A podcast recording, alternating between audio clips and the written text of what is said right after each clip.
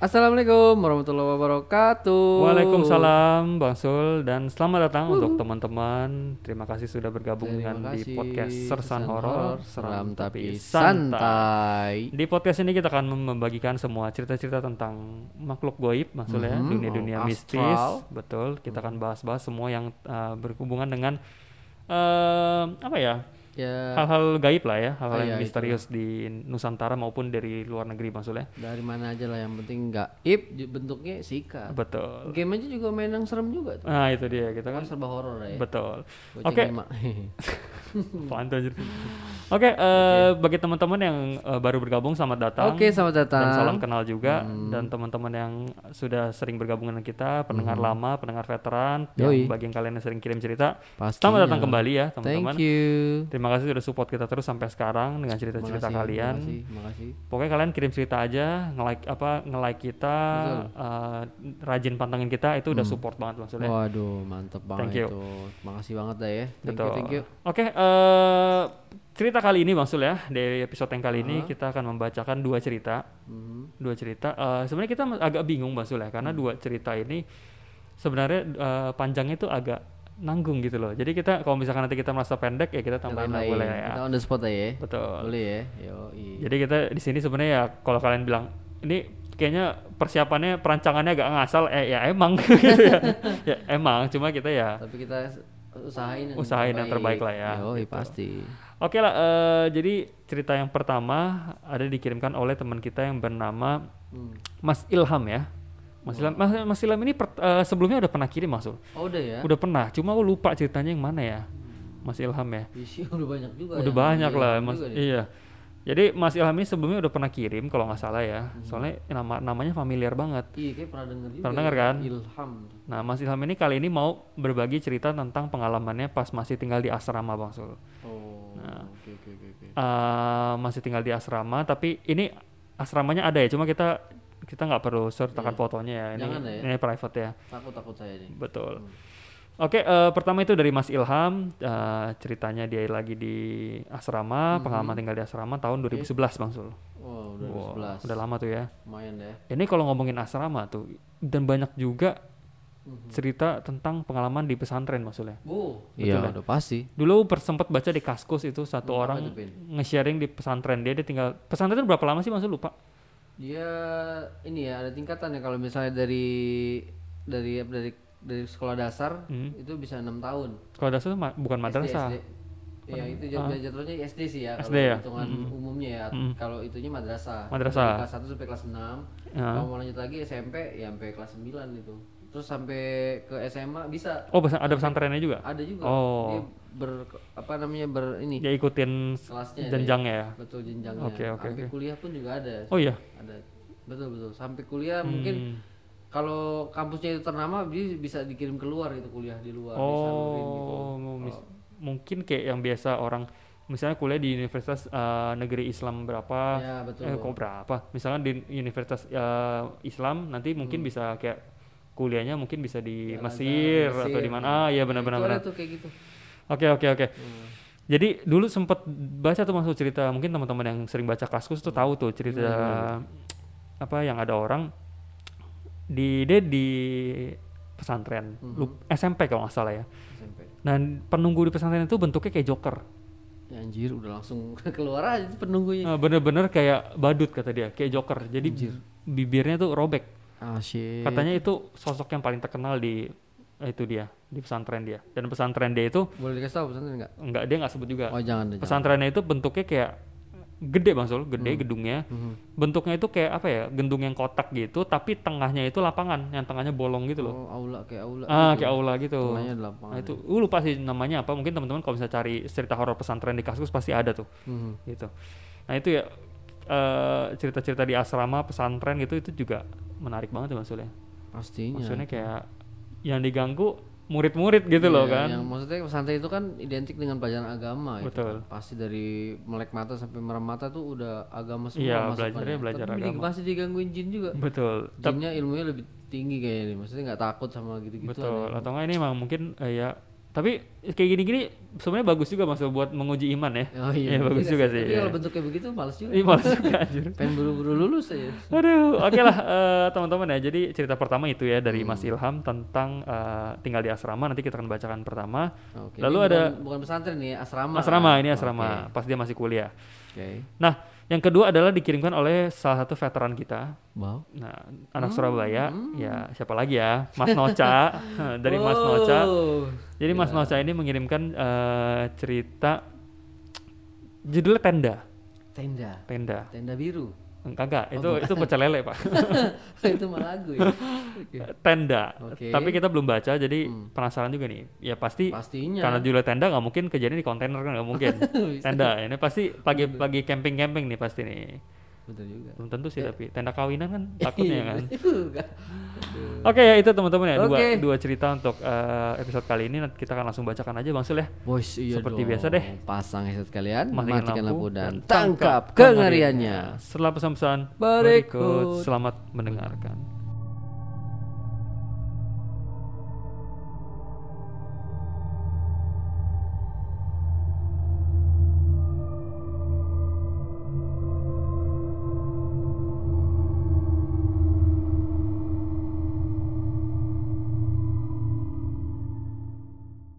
Balik lagi guys. Kembali lagi teman-teman di podcast Sersan Horor Seram tapi, santai. Oke, langsung aja ke Yuk, cerita pertama, ceritanya Mas Ilham. Mhm. Mas Ilham ini kirim cerita begini Mas Ul. Hmm. Dia kirim via email dengan judul pengalaman tinggal di asrama. Oke. Langsung aja ke ceritanya, dia bilang gini. Halo Bang Sul dan Kevin, mau Halo, sharing Ilham. cerita singkat lagi nih, katanya pengalaman saya tinggal di asrama. Wow. Ini asrama kampus maksudnya. Asrama kampus nih. Katanya ceritanya itu tahun 2011. Oke. Dulu saya kuliah itu eh, di salah satu universitas negeri di Bogor. Oh, boleh disebutin itu ya? Eh, ya kata dia nggak sebut sih. Hmm. Tapi kita kalau Bogor ya kita mungkin bisa tebak-tebak ya. Oh, iya, banyak ya. Ya udah lanjut ya. Oke. Katanya saya kuliah di salah satu universitas negeri di Bogor katanya. Mhm. Nah di kampus itu ada kebijakan Mhm. eh, kalau misalkan mahasiswa baru itu eh, wajib tinggal di asrama Oh, gitu. dua semester. Oke, oke. Itu itu eh, ke- eh, kebijakan untuk mahasiswa baru tapi ya. Katanya harus tinggal di asrama selama dua semester katanya. Mhm. Nah saya kebetulan itu kebagian asrama terakhir masul Mhm. di gedung 4 Oke. Berarti paling pojok tuh Waduh. mungkin. Mati. Nah jadi tiga gedung pertama itu di satu lingkungan yang sama. Mhm. Jadi total gedung ada empat, Oke. tiga gedung itu bareng-bareng, satu gedung bisa sendiri. Oke. Ya ini suwe ya. Ini ini ini ini, ya. ini apes nih. Sedangkan gedung keempat ini bisa sendiri di bagian belakang kampus. Mhm. Nah ini dia ceritakan ceritakan fotonya, tapi kita nggak akan sharing ya karena Gede ini ya. ini karena ini jelas banget kalau kalian kita kasih fotonya kalian bisa tahu langsung ini di mana. Aslinya di mana nih? Ngeri nih. Oke. Katanya saya ceritain dulu nih kondisi asramanya. Oke. Asrama gedung yang gedung 4 ini itu ada di bagian paling belakang kampus. Oke. Nah, kalau mau menuju asrama kita itu ngelewatin jalan aspal Mhm. yang udah hancur gitu. Jadi Hmm. jalanannya udah aspal Udah aspalnya udah hancur. Udah rata dah gitu ya. Nah, j- jatuhnya jadi kayak batu-batu Bang Sul. Iya. Jadi bener. kayak jalan berbatu. Kiri kanan hutan. Aduh. Sekitar 100 meter hutannya. Lumayan gede. Nah, asramanya itu gedung tua Bang Sul. Gede. Dan langit-langitnya itu cukup tinggi. Mhm. Lantainya belum keram- belum belum pakai keramik katanya. Apaan tuh bawahnya tuh? Nah, itu dia dia dia nggak sebut sih. Biasa kalau selain keramik apa sih Sul? Biasa dia apa coran gitu kayak Plaster gitu ya. Iya di plaster tapi Oh. kadang yang dihalusin ada yang kasar juga. Oh sih. gitu. Tapi pokoknya belum keramik lah ya. Hmm. Nah katanya asramanya ada tiga lantai bang Sul, dengan balkon besar sepanjang gedungnya. Nah, Hmm. Sekeliling asrama itu hutan alami, hu- hutan alami Sul, Oke. nggak bisa dilewatin karena eh, karena lembab dan banyak semak-semak sama daun-daun gitu. Oh rapet gitu ya. Rapet, pokoknya Gak bisa tembus ya. tebel banget lah hutannya. Mungkin matahari juga sinarnya nggak masuk Nah kan. mungkin tuh anjir, Saking tebelnya. tebel banget ya katanya. Pokoknya iya kalau misalnya mau jalan kaki masuk hutan nggak bisa lah kata dia, Itu nggak bisa lewatin. Jarum hilang juga nggak ketemu cari itu. Ngapain juga nyari jarum ya? di hutan lagi. di hutan lagi anjir. Saking tebel itu ya. tebel lah katanya lebat ya nah katanya kamar saya itu ada di lantai dua maksud Lantai dua. nah di paling ujung lorong kenapa sih dapetnya ujung-ujung mulu ya begitu. Kayak karena dapat cerita mistis makanya tidurnya di ujung-ujung nih. oh iya benar itu dia sih Kalau ya. di depan nggak ada cerita mistisnya nih. oh iya benar thank you thank you iya. dan dapat gedung nomor 4 paling pojok, dapat kamar paling pojok. Hmm. Nomor kamarnya 13. 13. 13. Oh, aduh, cakep bener itu. Ini cakep banget nih. Ini eh, bisa dibilang Mas Ilham ini kesayangannya Dewi Fortuna. Hoki banget tuh. Aduh, Dewi Fortuner kayaknya. Eh, Fortuner nih, Iya, Dewi apes. Gila, udah itu ya pokoknya gila banget itu. Semua aspek-aspeknya sudah memenuhi ya. Hmm, cakep nih. Nah, terus dia bilang kebetulan saya di kamar sendiri. Nah kan Hmm. sebelah kamarnya kosong, apes juga. Dan sebelah kamar kosong ada tangga, apes lagi sih. Di depan kamar saya ada ruang serbaguna yang jarang dipakai, jadi sering kosong. Apes lagi? Kayak harus mandi di laut ini. Aduh. Sial amat ya. Katanya buat misahin buat misahin dengan kamar sebelah dindingnya itu nggak full, Oh. cuma tiga per empat. Jadi kalau lihat ke, kelihatan ya. ah, jadi kalau lihat ke atas kelihatan nih kamar sebelah. Mhm, Oke. Kamar saya sendiri kondisinya tenang, Mhm. karena sekitaran kamar itu, karena sekitaran kamar saya itu kondisinya ruangan kosong semua. Oh, ruangannya kosong. Oke. Nah pokoknya semoga kebayang lah ya kondisi asramanya. Kebayang kok ini jelas banget. Iya, tadi dikasih fotonya, kebayang. Nah cerita pertamanya ini dialami orang-orang dari kamar lain maksud. Mhm. Jadi sering ba- eh, banyak yang bilang nggak sengaja nih kalau mau ke tangga atau ngelewat lorong di sudut su- di ngelewat lorong itu Mhm. di sudut mata itu kelihatan masul. Oke. Di sudut-sudut mata itu kayak ada ya apa ya di ujung lorong itu kayak ada orang lagi berdiri Oh, Oke, oke, oke. di dekat kamar dia. Aish. Di- jadi kan ujung lorong itu kan ka- eh, kamarnya si Mas Ilham. Oh iya. Jadi iya, iya. jadi kayak orang kalau misalnya lagi lewat kelihatan. penghuni penghuni asramanya itu sering bilang ke Mas Ilham, Hmm. bro, gue kalau kalau misalnya mau ke tangga nih, itu di di lorong dekat kamar lu, depan pintu kamar lu itu ada orang lagi berdiri, tapi kelihatannya di sudut-sudut mata aja, Oh. lagi berdiri katanya. Anjir. Tapi kan kondisi lorongnya kan gelap, jadi nggak terlalu jelas bang Sul. Mungkin Wujud- kayak siluet gambar hitam. nah kayak siluet, bayangannya. wujudnya kayak apa Belum kurang tahu. jelas. Hmm. Katanya saya sendiri nggak pernah ngeliat, tapi kan kondisi kamar itu memang cukup gerah katanya. Oh, Oke. katanya mengingat mengingat kondisinya itu sekeliling sekelilingnya itu kan hutan dan itu kan di Bogor harusnya kan adem Sejuk. lah ya harusnya kan at least nggak gerah gitu loh Betul, betul. tapi kamarnya itu gerah katanya nah di kamar lain kalau saya main ke kamar lain juga sejuk aja sejuk sejuk aja katanya Hmm, bener. Nomor 13 sih kan. nah kamar dia doang yang gerah katanya entah kenapa di kamar saya aja gerah gitu katanya awalnya saya cuek aja karena saya sendiri nggak pernah ngalamin hal aneh-aneh Oke. dan kayaknya ya wajar-wajar aja karena di ujung lorong dan sekitar ujung lorong itu kan ruangan kosong Mhm. katanya. Nah akhirnya setelah beberapa lama tinggal di asrama saya mulai ngalamin nih hal-hal aneh. Nah, ini nih udah masuk nih. Tadi masih intro tuh tadi tuh. Intro tadi. Wah, Jadi di depan balkon kamar Oke. kamar sebelah ya Mhm. eh, depan balkon itu ada samsak buat latihan tinju. Deh. Nah, udah di- udah udah ada di sana sejak awal kan mu- mungkin warisan dari senior. Oh, iya iya iya. Nah, oke. Jadi itu di, di, di- dibiarin aja di situ gitu loh. Mungkin gak ada yang mau apa gimana kali ya. Nah beberapa kali saya ngalamin kalau lewat tengah malam, Mhm. kalau saya belum tidur, itu saya ngedeng- dengar kayak ada orang yang mukul-mukulin samsak. Anjir. Pertama kali dengar, ya langsung langsung kita mikirnya pasti semua, oh itu orang. Iya betul. Masa setan mukul samsak, gitu kan? Pasti kita mikirnya Iya, begitu deh. Betul betul. Oh itu betul. pasti anak-anak tuh lagi Lagi latihan lagi latihan gitu kan. Jadi saya iseng nih keluar, Mhm. niatnya mau saya ngajak nyapa dikit lah. Ternyata nggak ada siapa-siapa. Nah. tuyul kali yang latihan. Anjir. Latihan samsak ya. iya. Jadi setelah itu setiap saya dengar suara samsak, Hmm. saya nggak berani ngintip keluar katanya. Hmm. Nah yang paling seremnya itu pas masa-masa lagi ujian eh, akhir, ujian Hmm. akhir semester. Oke. Saya belajar sampai lewat tengah malam. Anjir. Nah meja belajarnya itu ada di sebelah jendela yang ke arah balkon. Oke. Nah waktu itu saya belajar sambil ngerokok. Hmm. Tiba-tiba dari jendela datang nih kakak pengawas asrama saya Oke. nyapa. Lagi belajar. Kakak senior, eh, kakak pengawasnya Hmm. nanya nih lagi belajar. Iya kak kata si iya Ilham ya kata Mas Ilham. Nah di situ saya udah panik nih takut dihukum karena di asrama itu nggak boleh ngerokok Oh, sebenarnya. ngerokok. Nah, oke. Saya udah panik nih takut saya udah cemas katanya takut dihukum. Terus terus. Tapi kakak pengawasnya itu cuma senyum terus pergi. Mhm. Saya lega dong. Mungkin kakaknya eh, kakaknya mungkin ya ya Nggak kali. bukan nggak kayak apa ya kayak ya udahlah gitu loh. Iya udah malam juga. Ya kayak kali ini dikasih kesempatan ya udahlah gitu kan. Ngelepas saya buat kali ini katanya. Betul betul. Nggak lama setelah itu saya ke kamar mandi asrama yang di lantai satu. Oke. Turun tangga, Mhm. saya turun tangga itu langsung ketemu lobi pintu masuk eh, asrama. Mhm. Di sini saya kaget banget karena saya ngeliat kakak pengawas asrama yang tadi nyapa Oke. dari balkon. Mhm. Dia baru masuk masuk. Kayak baru pulang gitu dan pakaiannya beda dengan sosok yang nyapa di jendela. Mati lo. Shit. Karena penasaran saya nanya dong, dari mana Oke. kak? Dan dijawab baru balik dari masjid kampus kegiatan tahfiz katanya. Oh, Oke. Setahu saya kegiatan ini dulu cukup lama. Mulai dari setelah Isya sampai lewat tengah malam. Betul betul. Jadi yang nyapa saya di balkon itu siapa Ah, katanya. shit. Bajunya pun beda katanya. Itu udah paling jelas katanya. Oh my gosh. Dan setelah itu saya juga kepikiran, lah kenapa bisa nyapa dari balkon? Karena akses ke balkon itu cuma dua, pintu di ujung lorong Mhm. atau dari kamar. Jadi nggak mungkin lah kakak pengawas, nggak mungkin juga kakak pengawas itu nyebrang di kamar orang lain buat ke balkon jam segitu. Iseng banget ya. Nah, nggak ada kerjaan banget. Dan kalau misalkan lewat pintu, pasti saya nyadar dong, karena pintu Oke. itu kalau dikunci, kan dibuka, karena kalau dibuka bunyinya keras banget katanya. Saya denger ya. Soalnya pintu tua.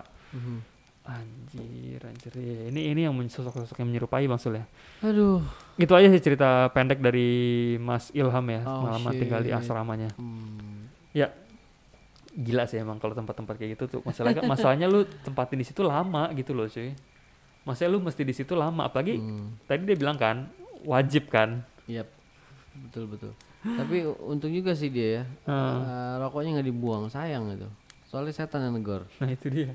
Makanya bingung makanya ngerokok Iya. kan nggak boleh di asrama kan. Ini kok di Kok dia ini? boleh gitu kan. Coba kalau kakak kakak apa yang negor orang beneran pasti diomelin lu, Hmm, ya kan? makanya kalau misalkan orang beneran mah udah habis rokok lu gitu kan. dia minta juga soalnya. Rokok lu matiin. Matiin. Eh, sini yang sebungkus kasih gua. Belaga sita kan.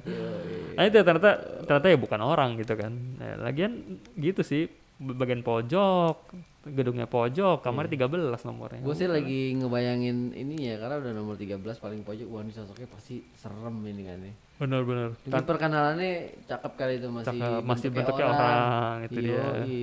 Dia malah waktu itu nggak takut, nggak nggak mikir apa-apa, malah mikir takutnya kena rokoknya itu kena Iya, kan. takut dihukum ya. Betul. Mungkin nggak ngeh gitu. Nah ini sih ada ada penampakan asramanya mungkin kita Nah, tapi nggak begitu bisa ya. share ya. Pokoknya eh, lorong apa balkon-balkonnya itu nyambung lah ya. Nyambung nyambung. Per kamar itu nyambung. Iya. Betul betul betul. Wow. Oke lah teman-teman, eh, itu cerita dari Mas Ilham, Ilham, Ilham. ya. Mhm. Masih penasaran waktu itu sosoknya gimana? Mungkin Mas Ilham selanjutnya nggak mungkin nggak pernah ketemu lagi kali ya. Jadi di- Mas Ilham nggak ceritain lebih Karena kan lanjut. situ cuma berapa? Dua bulan ya? Dua semester. Dua semester ya? Berarti setahun tuh ya. Ya, uh, lama juga. Lumayan anjir. Mungkin ada sosok yang lain kali ini. Iya, di dipaksa tinggal di situ kan diwajibkan gitu kan. Lu kalau ada Kenapa ya? apa-apa lu nggak bisa keluar gitu. Enggak, a- a- agak aneh ya.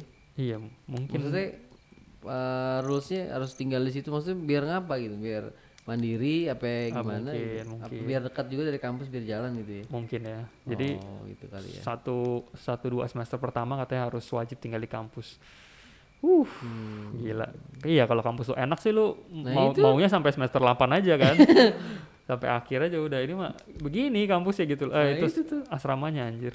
Waduh Oke lah eh, itu ya cerita dari Mas Ilham Oke. tentang asrama. Thank you banget Mas Ilham udah Thank you, sharing sama kita. Dan selanjutnya kita ada cerita dari? Mas Noca. wah ini nih Mas nih, Noca nih, ya. nih, Jadi. Mas Noca ini kirim cerita namanya Tenda. So, wah mantap mantap mantap Kita kan langsung bacakan aja, oh ya. sikat sikat sikat ayo ayo ayo ayo ayo Bentar. Gimana, Mana gimana, sih ini gimana? udah udah buka hilang aja nih. wah ini juga setan juga nih Uh, tuh belum dibaca udah hilang Jadi anjir. Bentar bentar bentar bentar kita bentar ya bentar guys ini kita- kita cari. dicari dulu di Google nih wah tenda tenda tenda. Mana dia ya? tuh tuh tuh bawa dikit Mana? nggak ada ya Oh nih nih nih. Eh, Ah. bukan bukan bukan. oh bukan bentar bentar sebentar sebentar. aduh Bingung anjir. ceritanya kabur Ceritanya hilang weh.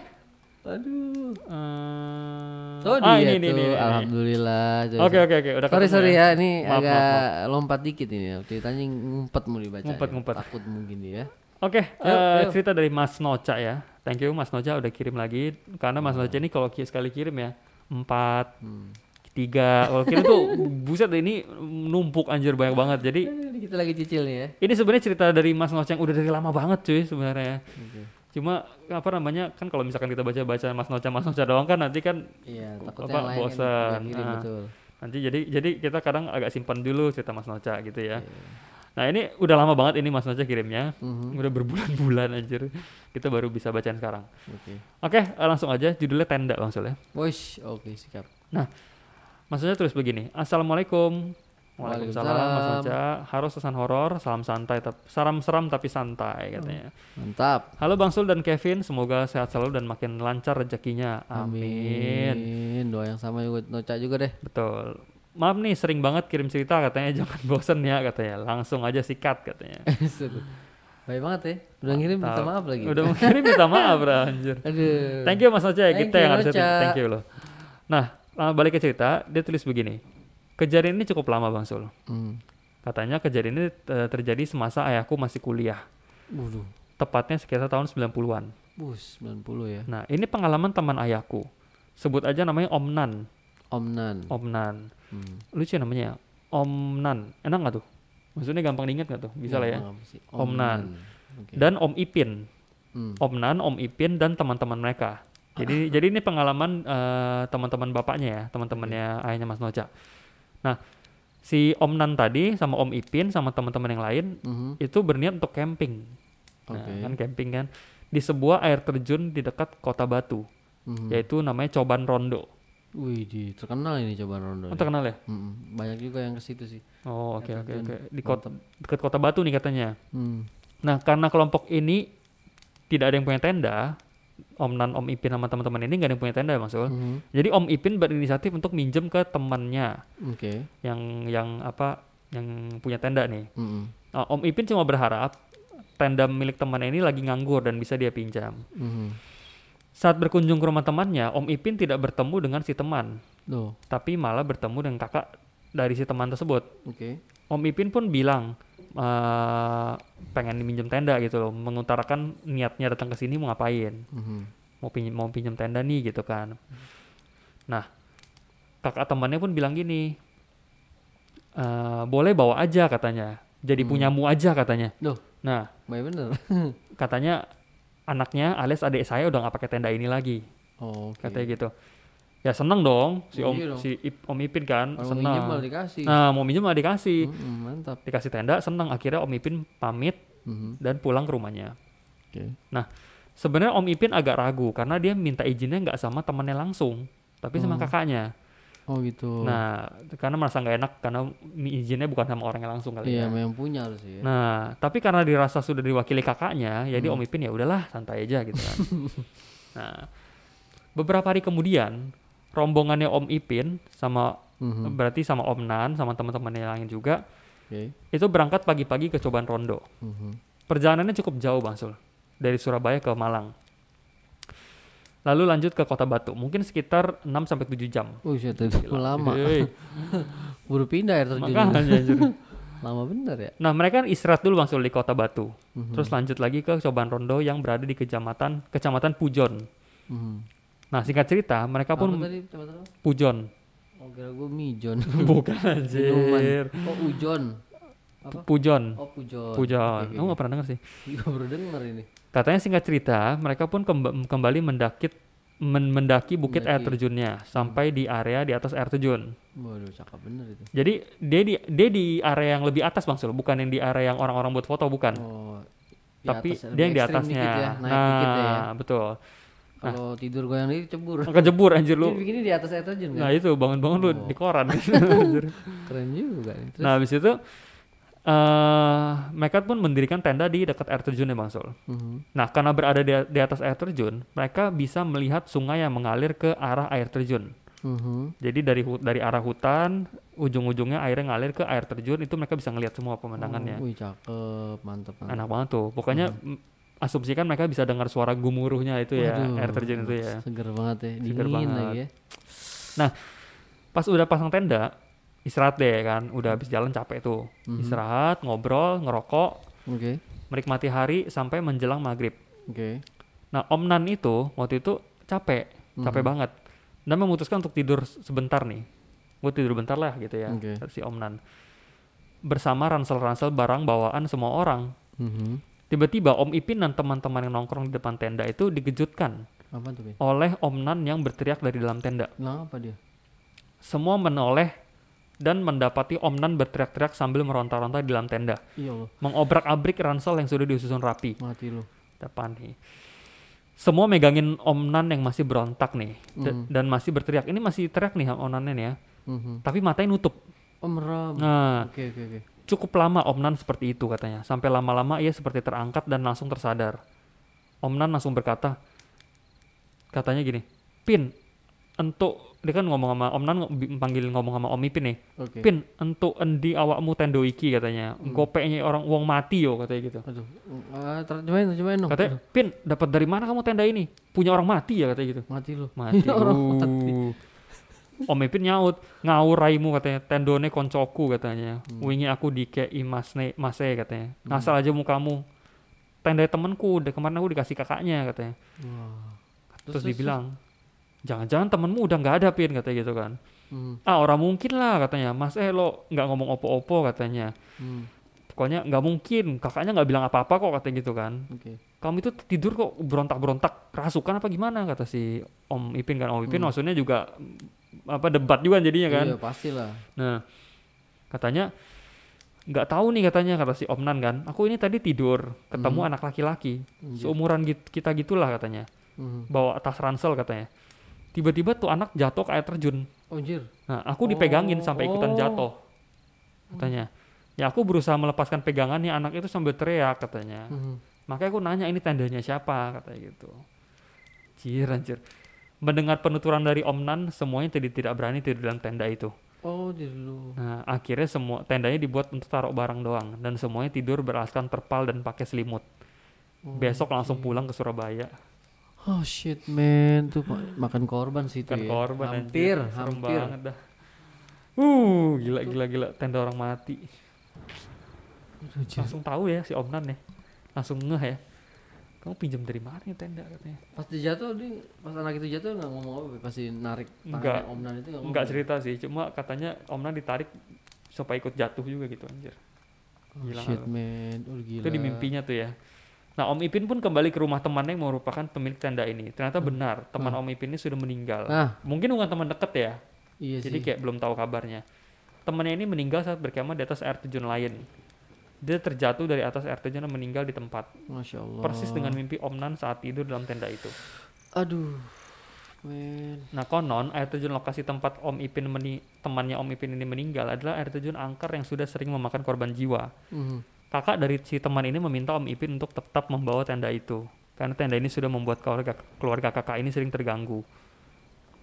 Jadi tendanya itu pantas dikasih karena emang tuh tenda selama di rumah ganggu katanya. Oh my god. Sudah sering terdengar suara adiknya dari tenda ini. Aduh ya Allah. Meskipun tendanya digulung. Astagfirullahaladzim. Karena tendanya gerak-gerak sendiri. Hmm. Anjir, anjir, serem-serem.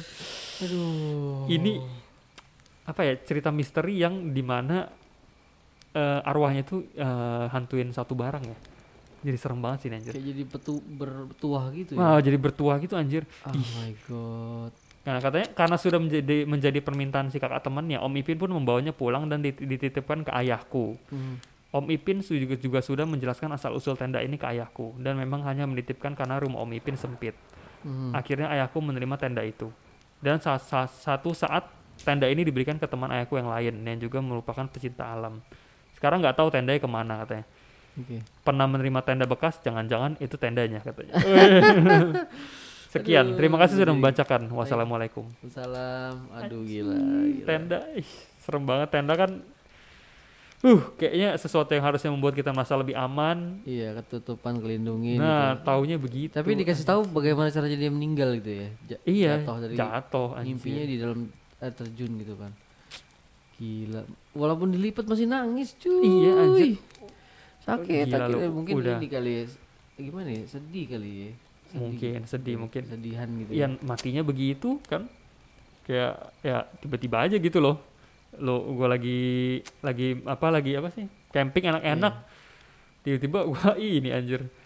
Tapi masih dalam mimpi gitu Mas, datangnya kan. datangnya masih dalam mimpi sih. Untungnya ya Om Iya. Nannya belum dibawa beneran gitu loh anjir. Aduh, gila. Ih, ke mana itu ya tenda ya? Hanya itu anjir. Tenda bertuah itu. Tenda bertuah. Aduh, itu ya cerita dari Mas Noca tentang tenda berhantu anjir. Aduh, gila-gila tenda sih, Mak. Tapi barang-barang yang disimpan begitu terus ada sosok-sosok ada sosok-sosok yang kayak nangis ada yang apa dari barang itu kok kenapa ya maksudnya kan itu kan adiknya sendiri kenapa adiknya sendiri itu ganggu ya Nah itu dia tuh. ya kan maksudnya kan Masih meninggalnya kan juga nggak juga nggak misteri kan maksudnya kan ketahuan tuh jatuh Jatuh. terjun. Kebetulan tendanya tenda tenda itu yang dipakai gitu. betul Mengapa bersemayam di tenda gitu ya? betul kayak Nggak di air terjunnya gitu kan. nah itu dia Ya, lo nangis juga nggak kedengeran air terjunnya kencang. oh iya benar juga Nah, iya kenapa eh, bersemayamnya nggak di barang lain gitu kan Betul. kenapa di tenda atau mungkin tenda kesayangan dia bagaimana Oh bisa jadi bisa sih. jadi Bener bener bener bener. duh gila ya pokoknya ya Ya, tapi ada aku juga ada enggak sih ceritanya juga udah pernah dulu yang waktu ini ya temen gue yang celakaan itu loh. oh iya Itu kan motornya kan juga hancur kan. Hah, Kepalanya hancur karena kehajar sama badan truk. kepala motor itunya Ya, jadi dipindah-pindahin tuh pin, ditaruh di Motornya. rumah gua, ditaruh di, di di kantor, kantor kan dekat itu kan, Hmm. ditaruh di kantor. Itu tiap malam itu ada yang nangis di motor itu, yang punyanya itu si almarhum itu. tapi lama nggak tuh nangisnya Ada security yang denger, Oh, mungkin bisa setengah menit sih, kayak orang oh merintih iya gitu. Hmm, gitu kayak sejak sejak gitu. motor itu disimpan ya Iya, terus pernah dipindahin ke rumah gua. Tadi rumah gua sih nggak nangis ya, cuma Hmm. yang di kantor itu tuh.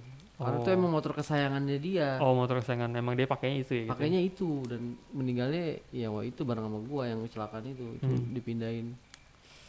Nangis malam tiap malam tuh. anjir anjir Di kantor polisi juga waktu itu masih kantor polisi nangis, Nangis bahkan juga? datang juga nyamperin polisinya itu tuh. anjir gila dengan sih baju terakhirnya. Ih. itu itu emang sih maksudnya kayak gitu-gitu kan itu barang terakhir yang dia ah, yang dek, yang mungkin dia pakai sebelum Ah. meninggal gitu ya Betul betul betul. itu Jadi lebih gimana gitu dia- mungkin kalau orang yang nggak nge sih, aduh siapa tuh? Ya mungkin kalau kita temennya, waduh pasti si almarhum nih. Nah, Hmm. Iya. Aduh kepikiran dah tuh jadi itu. kalau kita kan tahu anjir kan Iya yang nggak tahu tuh. Aduh. tiba-tiba datang pocongannya gitu kan anjir Aduh. anjir aduh oke itu ya Tenda ya, tenda bertua kali Mas itu ya jadinya. betul Aduh, tenda serem-serem. bertua ben- tenda berhantu sama aja gitu serem banget dah Aduh. anjir iya sih itu pertanyaan aku ya kenapa dia bersemayam di tenda gitu loh kenapa kagak di Di mana air terjunnya gitu kan atau di mana gitu apa emang kalau misalkan habis meninggal gitu bisa milih kali apa kagak tahu dah Aduh, makanya udah ambil aja dah bawa bawa. Ya, bawa dah, bawa dah. Di sana itu kakaknya aduh Enggak taunya. taunya ada begituan ya anjir Aduh, aduh, aduh. Thank you, thank you Neca. Aduh. Thank you ya eh, Mas Noca untuk ceritanya sama tadi Mas Ilham, Ilham. ya. Udah asrama sama tenda nih. Betul, asrama tenda tuh. Tuh, ini mah sama-sama suwe sih sebenarnya kan. Kebetulan lu pinjem tenda sama dia, orangnya kagak ada. Tapi lagian Mas si Om Ipin ini kenapa ya pas datang tuh kayak eh oh mungkin udah kebelat make kali ya. Maksudnya besoknya udah mau berangkat jadi iya, kayak betul.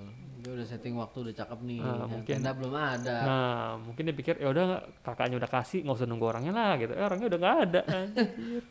Tahu ya tenda punya orang mati nih wah. Aduh, langsung tahu loh. Ini tanda dapat dari mana kamu? Anjir serem banget bayanginnya gila. Aduh. Waduh, thank you, thank you. Tapi Aduh, untung untung belum sampai dipakai tidur ya. Belum. Baru si Om Nana itu tuh baru tidur bentar anjir.